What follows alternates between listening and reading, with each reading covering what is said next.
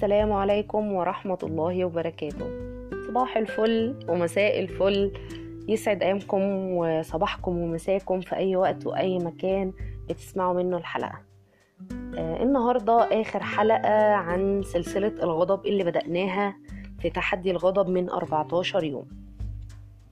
آه النهاردة اليوم ال 14 ما قبل الأخير للتحدي. آه حلقة النهاردة هتكون معلومة أو معلومات كتيره جدا تعتبر ملخص عن ال 14 يوم والحاجات اللي إحنا عملناها. هنقسم حلقة النهارده لنصين. ممكن نسمي حلقة النهارده الغضب الإيجابي الحاسم أو الاسيرتيف انجر يعني بعبر عن حقي في الغضب بصورة إيجابية. طيب ممكن نقول ده إزاي؟ قلنا إن إحنا هنقسمه على جزئين. جزء إن أنا هتعامل فيه مع نفسي وجزء هكون زي نصايح أبدأ فيها مع الناس اللي حواليا. خلينا نبدأ مع نفسنا. أول حاجة إن لما نيجي زي ما اشتغلنا في التشالنج كان في ملاحظة الغضب أو ملاحظة المشاعر وهنا محتاجين نكون في حالة من الاسترخاء يعني مسيطرين على غضبنا. بس بنشوف المواقف إيه اللي مضايقانا وإيه اللي تعبانا وناخد بالنا من حاجة صغيرة إن ممكن تكون مواقف بسيطة خلتنا نشعر بالضيق ما نستهونش بيها لا محتاجين برضو نقف عندها ونعرف إيه اللي ضايقنا بالظبط ليه؟ لأن المضايقات الكتيرة هتتراكم وهتعمل نوبة غضب كبيرة جدا ممكن تكون مش في وقتها أو هخرج نوبة الغضب دي في موقف مش مناسب وبالتالي هيبقى أنا شكلي إن أنا أديت سلوك عنيف مثلا جدا في موقف بسيط والناس مش هتبقى فاهمة إن دي نتيجة تراكمات. تاني حاجة إن أنا هراقب برضو في فترة الملاحظة أعراض الغضب على جسمي إيه وأشوف إيه اللي بيعمله فيا. وهشوف التوتر الجسدي اللي بيحصل أحاول إن أنا أتخلص منه أو أسيطر عليه إزاي. النقطة اللي بعد كده إن إحنا هنحلل الموقف هنشوف هل فعلا أنا الموقف اللي غضبت فيه ده كان ليا حق فيه طيب هل فعلا الموقف ده بيهددني يوصلني لمرحلة خوف أو تهديد فعلية ولا مجرد خوف وحاجة غير عقلانية فقط؟ هنشوف. نحط خطة للطوارئ في وقت الخوف. إن أنا ممكن أعمل إيه؟ أسيطر بيه على نفسي مثلا تمرينات تنفس رياضة بسيطة أي حاجة من الحاجات اللي تعمل إلهاء لعقلي علشان أواجه الخوف اللي هيجيلي وقت ما أجي أعبر عن غضبي. من الحاجات برضو كمان وآخر نقطة اللي هنشتغل فيها مع نفسنا وهي نكتب النص أو بنكونه في عقلنا إيه اللي ممكن يحصل لما أروح أعترف لشخص عن غضبي ودي ليها علاقة بالجزئية التانية. يعني هكون النص الكلام اللي في عقلي بناء على الخطوات اللي جاية بعد كده وهروح أقوله. وإن شاء الله الخطة الطوارئ اللي إحنا عاملينها للخوف دي هتساعدني إن أنا أقدر أكون متحكمة في المخاوف أو القلق اللي هيجيلي لحظة المواجهة. أول جزء ده كان عن التعامل مع نفسنا إحنا وإحنا ده غالبا اشتغلنا فيه على في خلال التشالنج طيب اول في حاجات كتيرة اتكلمنا فيها في في, في التشالنج الجزء التاني من حلقة النهاردة وهي إزاي إني أبدأ أعترف للشخص اللي قدامي وأعبر عن مشاعر الغضب للشخصية ايا كان اللي في حياتي مديري جوزي طفلي أختي أي حد هعبر له عن المشاعر الضيق اللي حصلت لي. وهنا اسمها الاسيرتيف انجر أو الغضب الحازم. إني مش هنكر الشعور ولا هستهون بيه وفي نفس الوقت هتعامل معاه بإيجابية ومش بعنف. أول حاجة وهي كلمة إيجابية. إني هبدأ الحوار بإيجابية زي مثلا إني هقدم مقدمة عن شعوري عن مجهود اللي قدامي. والله يعني أنا حاسة إن أنا متضايقة من كذا وعارفة إنك انتي أو أنت مقدرة مجهودك معايا أو مقدرة المجهود اللي أنت عملته خلال الفترة اللي فاتت بس أنا عندي شعور بال بالضيق أو بالزهق.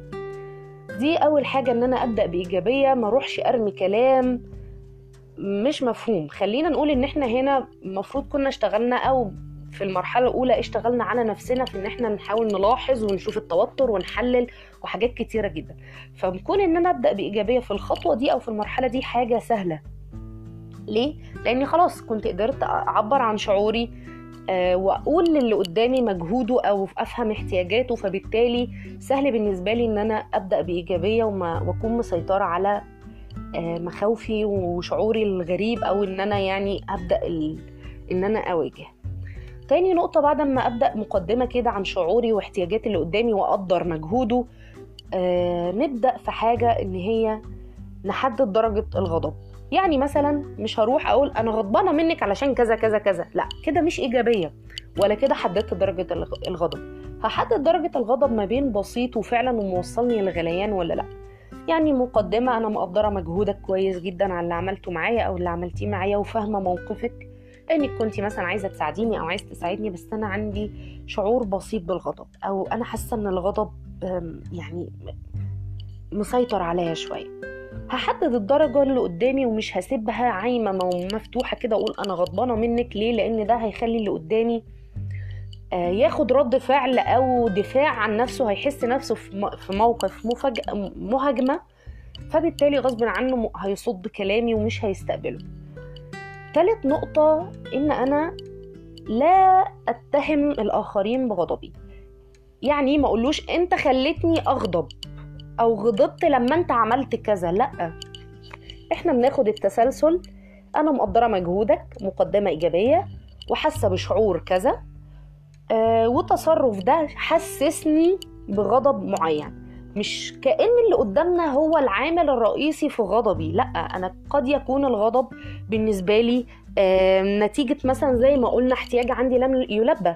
ممكن نتيجة غضبي زي ما قلنا عن فكرة معينة كانت مسيطرة على تفكيري والعقيدة بتاعتي فبالتالي مش هو موقفه اللي خلاني أغضب ممكن تكون تراكمات أصلا من قبل كده.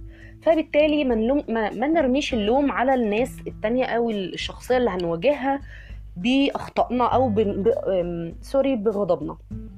طيب النقطة اللي بعد كده آه لو أنا حاسة في الموقف ده بتهديد أو خوف فأنا أعترف بده قدامه يعني مثلا أنا خايفة إن أنت ترفضني أو خايفة إن أنت تزعل تزعل مني. آه وخلينا حاجة كمان نقول آه اعترافنا إحنا بالشعور ده بيدينا من جوه كون إن أنا قادرة أتواصل مع شعوري وأفهمه بيديني راحة جزئية كده من الراحة والاسترخاء هتخليني أقدر أكمل الحوار.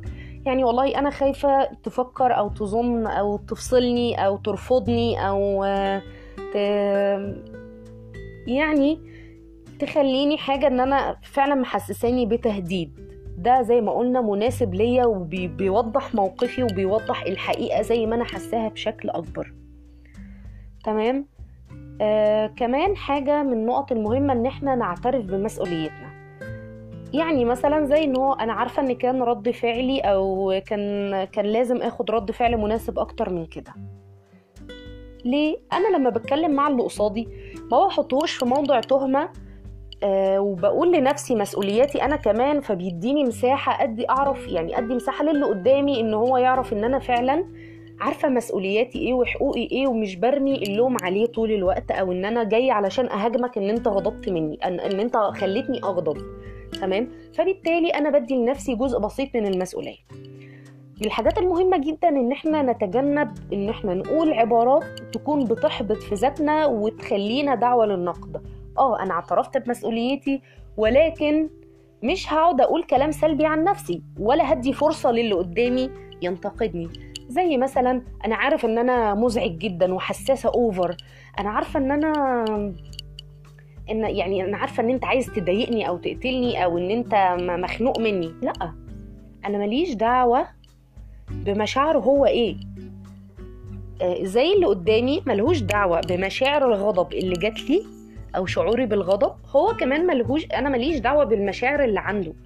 مش هقعد مش هديله فرصة أو مساحة إن هو يقول لي إن أنا أقول لنفسي كلام سلبي زي إن أنا أنا مزعجة أنا حساسة قوي أنا عارفة إني وحشة عارفة إني ما استاهلش آه، أو إن أنا مثلا أقول له إن أنا زي أنت ممكن تقتلني ده أنت معرفش إيه لأ إن أنا مثلا ينتقدني أو إن هو ياخد ده جزء من كلامي كانتقاد لأ.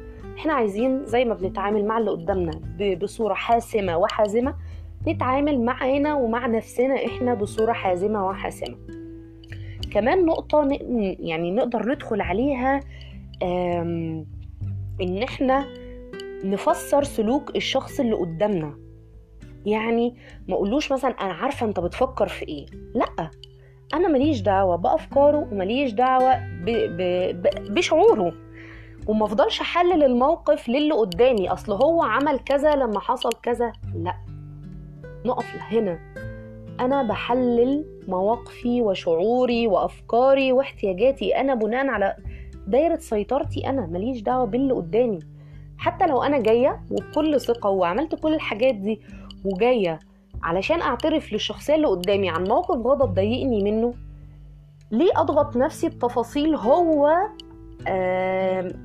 أفسر سلوكه أنا لو شخصية قريبة ليا هفسر احتياجاتها وإيه اللي كانت تكون ممكن تكون محتاجاه عشان دي شخصية تهمني وقريبة مني من الدايرة القريبة. لكن لو شخصية مثلا مش من الدايرة القريبة مني ليه اهتم بإن أنا أفسر سلوكها؟ أنا مش أخصائي نفسي ولا بتاع تحليل نفسي أقعد احلل بقى ليه حصل ده وحصل ده. تحليل الزيادة تفاصيل زيادة إرهاق زيادة على عقلنا كمان حقنا هيضيع وسط التحليل الزيادة. أنا ممكن أحلل زيادة وأتعاطف مع الشخصية التانية زيادة عن اللزوم تهدر حقي أنا في الغضب. واصلة لكم النقطة دي؟ يعني يا رب يا رب تكون واصلة لكم زي ما أنا آه، حساها في دماغي وبقولها زي ما أنا بقولها كده وتكونوا فعلا فاهمينها. آه، نقطة كمان إن إحنا نتجنب دخول طرف ثالث في الكلام أو في الموقف عامة. يعني ما ندخلش في المواجهة دي يفضل إن أنا والشخص اللي أنا متضايقة منه. زي ما قلنا الشخص ده طفل كبير عجوز أمي أهلي ايا كان حد بتعامل معاه بشكل عام. طيب هدخل الطرف الثالث ده إزاي في الكلام؟ يعني مثلا آه ما هو لو كان باباكي مثلا هنا كان زمانك عملتي احترام أكبر من كده. لأ ممنوع. ده ممنوع. لا بندخل حد في الموقف نفسه ولا بندخل سيرة حد في الموقف نفسه. خلينا نقول دخلنا شخص بذاته فإحنا دخلنا شخص بتفكيره بمشاعره بخبرته بحاجات كتيرة جدا مش هتزيد الموقف غير تعقيد. دخلناه في الكلام فأنا ربطت حقوقي أنا أو عملت زي إهدار لحقوقي أنا علشان عدم وجود الموقف ده. يعني مثلا زي ما هو لو كان باباكي موجود أو مامتك موجودة ما كانش ده هيكون تصرفي. أنا كده بنتقده الشخصية وبرمي حقوقي أنا كده ده حقي فين؟ يعني لما أقول لحد آه لو كانت مامتك موجودة كنت اتصرفتي أكتر من كده. طيب هل الجملة دي واضح منها أنا متضايقة ولا لأ؟ ممكن تبان إن أنا متضايقة لكن متضايقة ليه؟ متضايقة بدرجة قد إيه؟ متضايقة ب... ب... ب... إيه اللي حسسني بت... بال... إيه الاحتياج اللي أنا عايزاه؟ إيه الفكرة اللي لمست عندي؟